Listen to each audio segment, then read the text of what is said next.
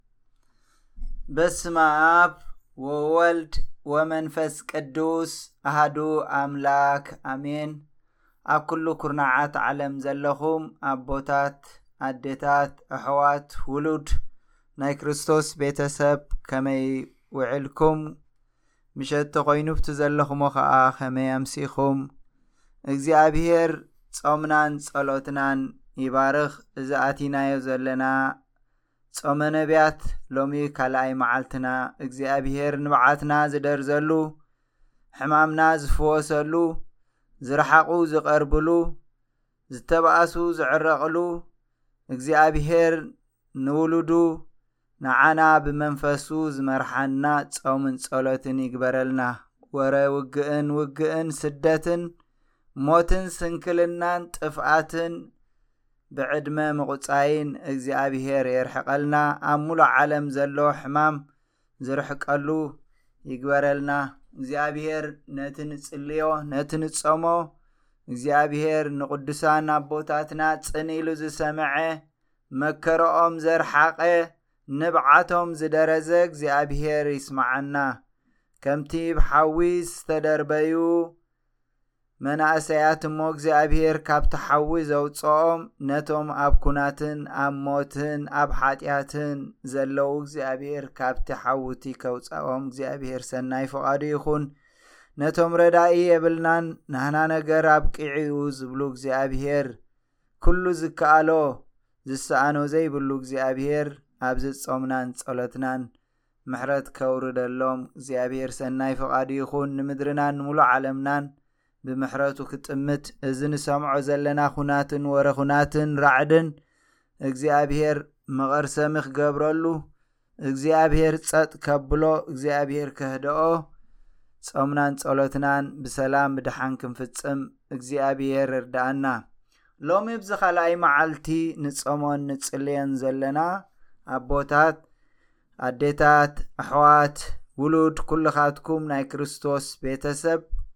ውሉድ ኣምላኽን ውሉድ ዲያብሎስን ብምንታይ ከም ዝግለጽ ቃል እግዚኣብሄር ኣብ ቀዳማ ዮሃንስ ምዕራፍ ሰለስተ ፍቕዲ ዓሰርተ ከምዚ ይብል ጽድቂ ዘይገብር ንሓዉ ዘየፍቅርን ካብ ኣምላኽ ኣይኮነን ውሉድ ኣምላኽን ውሉድ ዲያብሎስን በዚ እዮም ዝግለጹ ኢሉ ኣቦታት ኣዴታት ኣሕዋት ውሉድ ኩልኻትኩም ናይ ክርስቶስ ቤተሰብ ኣብዚ ጾምን ጸሎትን ዘለናዮ ዓለምና ተሃዊኻትሉ ብኹሉ ተሰቂናሉ ኣብ ዘለናሉ ሰዓት ጾምናን ጸሎትናን እግዚኣብሔር ክሰምዕ እቲ እግዚኣብሔር ዝደልዮ ኣካይዳ ኣጻውማ ኣጸላልያ ክንጽሊ እግዚኣብሔር ሓግዘና ሰብ ብባህሪ ይውለድ ሰይጣን ከኣ ብግብሪ ይውለድ እቶም ጽድቂ ዝገብሩን ንብጾቶም ዘፍቅሩን ውሉድ ኣምላኽ እዮም እቶም ጽድቂ ዘይገብሩን እወ ንብጾቶም ዘየፍቅሩ ግና ቃል እግዚኣብሄር ብንጹር ይብል ኣሎ ደቂ ድያብሎስ እዮም ኢሎም እወ ደቂ ድያብሎስ ካብ በሎም ስለዚ ውሉድ መን ምዃንና ባዕልና ንነብስና ኸነነልያ ንኽእል ኢና ኣቦታት ኣዴታት ኣሕዋት ኵልኻትኩም እዚ ኽንገብር ንኽእል ግን ንነብስና ብዓይኒ ኣምላኽ ብቓል እግዚኣብሔርን ምስ ንርኣ ጥራይ ኢና እዚ ክርድኣና ዝኽእል። ጸሓፍትን ፈሪሳውያንን ሊቀ ካህናትን ደቂ ኣምላኽ ኢና፣ ደቂ መዛሙርቱ ሙሴ ኢና፣ ውሉድ ኣብርሃም ኢና እናበሉ ንገዛእ ርእሶም ነቶም ንሳቶም ዝመርሕዎም ዝነበሩ ግሩሃት የታልሉ ነይሮም። ቃል እግዚኣብሄር እዚ ይብለና ንዅሉ መምዘንን መስፈርን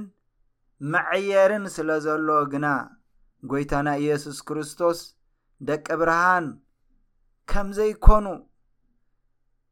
ደቂ መዛሙርቲ ሙሴ ከም ዘይኮኑ ንእግዚኣብሄር ከም ዘየምልኹ ግቡእ ንስሓ ንኽወስዱ ብትሕትና ጐይታይን ጐይታኹምን ምሂርዎም እዩ ኣብ ወንጌል ዮሃንስ ምዕራፍ ሸሞንተ ፍቕዲ ኣርብዓን ሸውዓተን ምልስ ኢልና ኸዓ ፍቕዲ ሰላሳን ሸዓተን እንተንቢብና እንታይ እዩ ዝብል ትቓል እግዚኣብሄር ትኻብ ኣምላኽ ዝኾነ ንቓል ኣምላኽ ይሰምዕ እዩ። ንስኻትኩም ግና ካብ ኣምላኽ ኣይኮንኩምን እሞ ስለዚ ኢኹም ዘይትሰምዑ ኢልዎም ኣብቲ ርብዓን ሸውዓተን ኣብ ሳላሳይን ሸዓተን ንሳቶም ኣቦናስ ኣብርሃም ኢሉ ኢሎም መለስሉ ኢየሱስ ከኣ ውሉድ ኣብርሃም እንተትኾኑስ ግብሪ ኣብርሃም ምገበርኩም ኔርኩም ኢልዎም ካብዚ ይሰውረና እግዚኣብሄር ባዕሉ ብኣካል ብመንፈሱ እንዳተዛረቦም ምስማዕ ዝሰኣኑ ሎሚ እውን ምስማዕ ንስእን ከይንህሊ ሎሚ እውን ኣንፈትና ኣጥፊእና ከይንህሊ ኣብቲ ወንጌል ዮሃንስ ምዕራፍ ሓሙሽተ ካብ ኣርባዓን ሓሙሽተን ክሳዕ ኣርባዓን ሽዱሽተን ኣነ ኣብ ኣቦ ዝኸሰኩም ኣይምሰልኩም ዝኸሰኩም ኣሎ ንስኻኣት ንስኻትኩም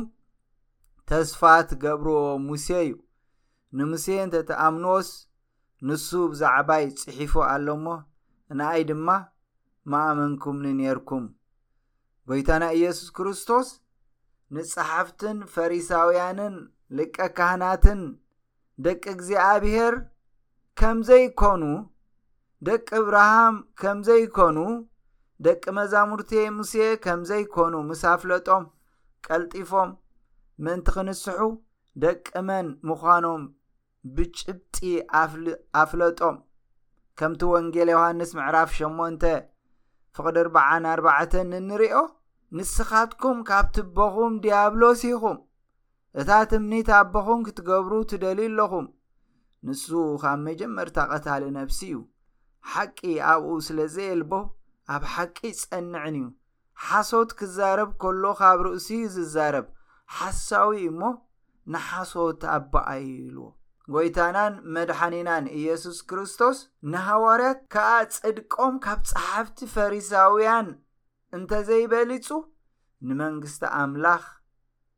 ክኣትዋ ከም ዘይክእሉ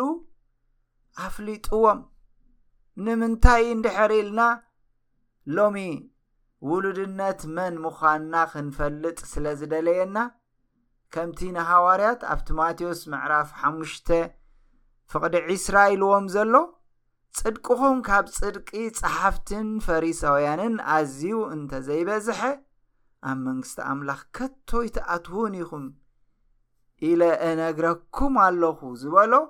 ኣቦታት ኣዴታት ኣሕዋት ውሉድ ኩለኻትኩም ኣብ ኩሉ ኩርናዓት ዓለም ኮንኩም ነዚ ጾም ናይ ነቢያት ትጽልዩ ትጾሙ ዘለኹም ንሕናኸ ሎሚ ደቂ መን ኢና ኣነ ወዲ መን እየ እስኪ እቲ መርማሪ እግዚኣብሔር ከይመጸ ኸሎ ኣብዛ ቤተ ክርስትያን ኣውጃቶ ዘላ ጾም ናይ ነቢያት ኢላ ባዕላትና ንነብስና ንመርምር እሞ መንገድና ኣቦታት ኣዴታት ኣሕዋት ውሉድ መንገድና ነተዓራሪ ጽድቂ ዶ ይበዝሕ ሓጢኣት ጽቡቕ ዶ ይበዝሕ ክፍኣት ጸሎት ዶ ይበዝሕ ሓሜት ትሕትና ዶ ይበዝሕ ትዕቢት መርገም ዶ ይበዝሕ ምርቓ ቁም ነገር ዶ ይበዝሕ ዋዛ እስኪ ሎሚ ኣብዛ መዓልቲ እግዚኣብሄር ብምሕረቱ ዝሃበና ነብስና ንመርምር መንገድና ንተዓዘብ ምስቲ ነቢ ኤርምያስ ሰለስተ ካብ ኣርባዓ ክሳብ ኣርባዓን ሓደን ዝበሎ ነዚ ነብስና ምስ መርመርና ህይወትና ምስ ፈተሽና መንገድና ንተዓዘብ ንመርምር እሞ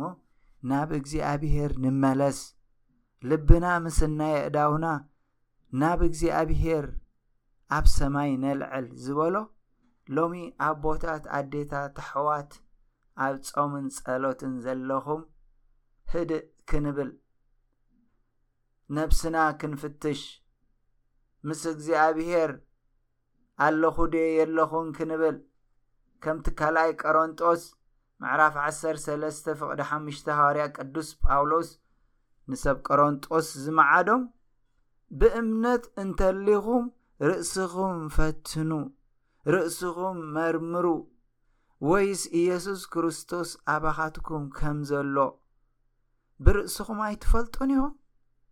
እዚ እንተዘይኮይኑሲ መኸዛ ዘይተጽንዑ ኢኹም ዝበሎም ሎሚ መኸታ ዘይነጽንዕ ህዝቢ ከይንኸውን ሎሚ ካብ እግዚኣብሔር ዝረሓቕና ህዝቢ ከይንኸውን ሎሚ ከም ባህልን ከም ልምድን ንጸውም ከይንህሉ ሎሚ ደቂ ዲያብሎስ ኮይና ከይንህሉ ኣቦታት ኣዴታት ክፋእ ኣብ ንሰምዓሉ ዓመጻ ኣብ ንሰምዓሉ ሎሚ ናብ ጸሎት ደነ ንህብ ናበይ ገጽና ኾን ነድህብ ኣለና እምበኣር በዚ መዓልቲ እዚ ቃል እግዚኣብሄር ብንጹር ይነግረና ኣሎ ኣብዚ ጾምን ጸሎትን ካብ ሃለና እግዚኣብሄር ነዚ ዝጸንሕ ትንፋስ ካብ ኣበና ኣብ መከራ ኣብ ጸበባ ዘለዉ ብዙሕ ህዝቢ ካብ ኣለዉና ዕድመኦም ዝሓጽር ብኹናት ንብረቶም ዝዓኑ፣ ግራቶም ዝቃጸል፣ ግራቶም ክዓጽዱ፣ ግራቶም ክእርንቡ ዘይከኣሉ፣ ውሉዶም ዝሰኣኑ፣ ፋሕ ዝበሉ፣ ብሕማም ዝተወቕዑ፣ ብዝተፈላለየ ስቓይ ዝተኸበብና ህዝቢ እንድሕር ኮይንና እሞ ከኣ እዚ እንድሕር ተረዲእና መንገድና ክንዕዘብ ክንምርምር ናብ እግዚኣብሔር ክንምለስ ልብና ምስ ናይ ኣእዳውና ናብ እግዚኣብሔር ከነልዕሎ ብእምነት እንተሊና ርእስና ክንምርምር ምሕረት እግዚኣብሔር ኣምላኽናን ጸሎት ኩሎም ቅዱሳን እግዚኣብሔር ክኸፍለና ነዚ ጾምን ጸሎትን ኣፈጺምኻ ኣብ ሰላም ደሓን ናብቲ ብርሃነ ትንሳኤ ከብጽሓና እግዚኣብሔር ክሰምዕ ንሕና ክንገብሮ ዝግባኣና ግብሪ ክንገብር እግዚኣብሔር ጸግኡ የብዛሓልና ንኣብን ንወልድን መንፈስ ቅዱስን ምስጋና ይኹን ሎምን ኩሉ ሻዕን ንዘለኣለም ኣለም ኣሜን።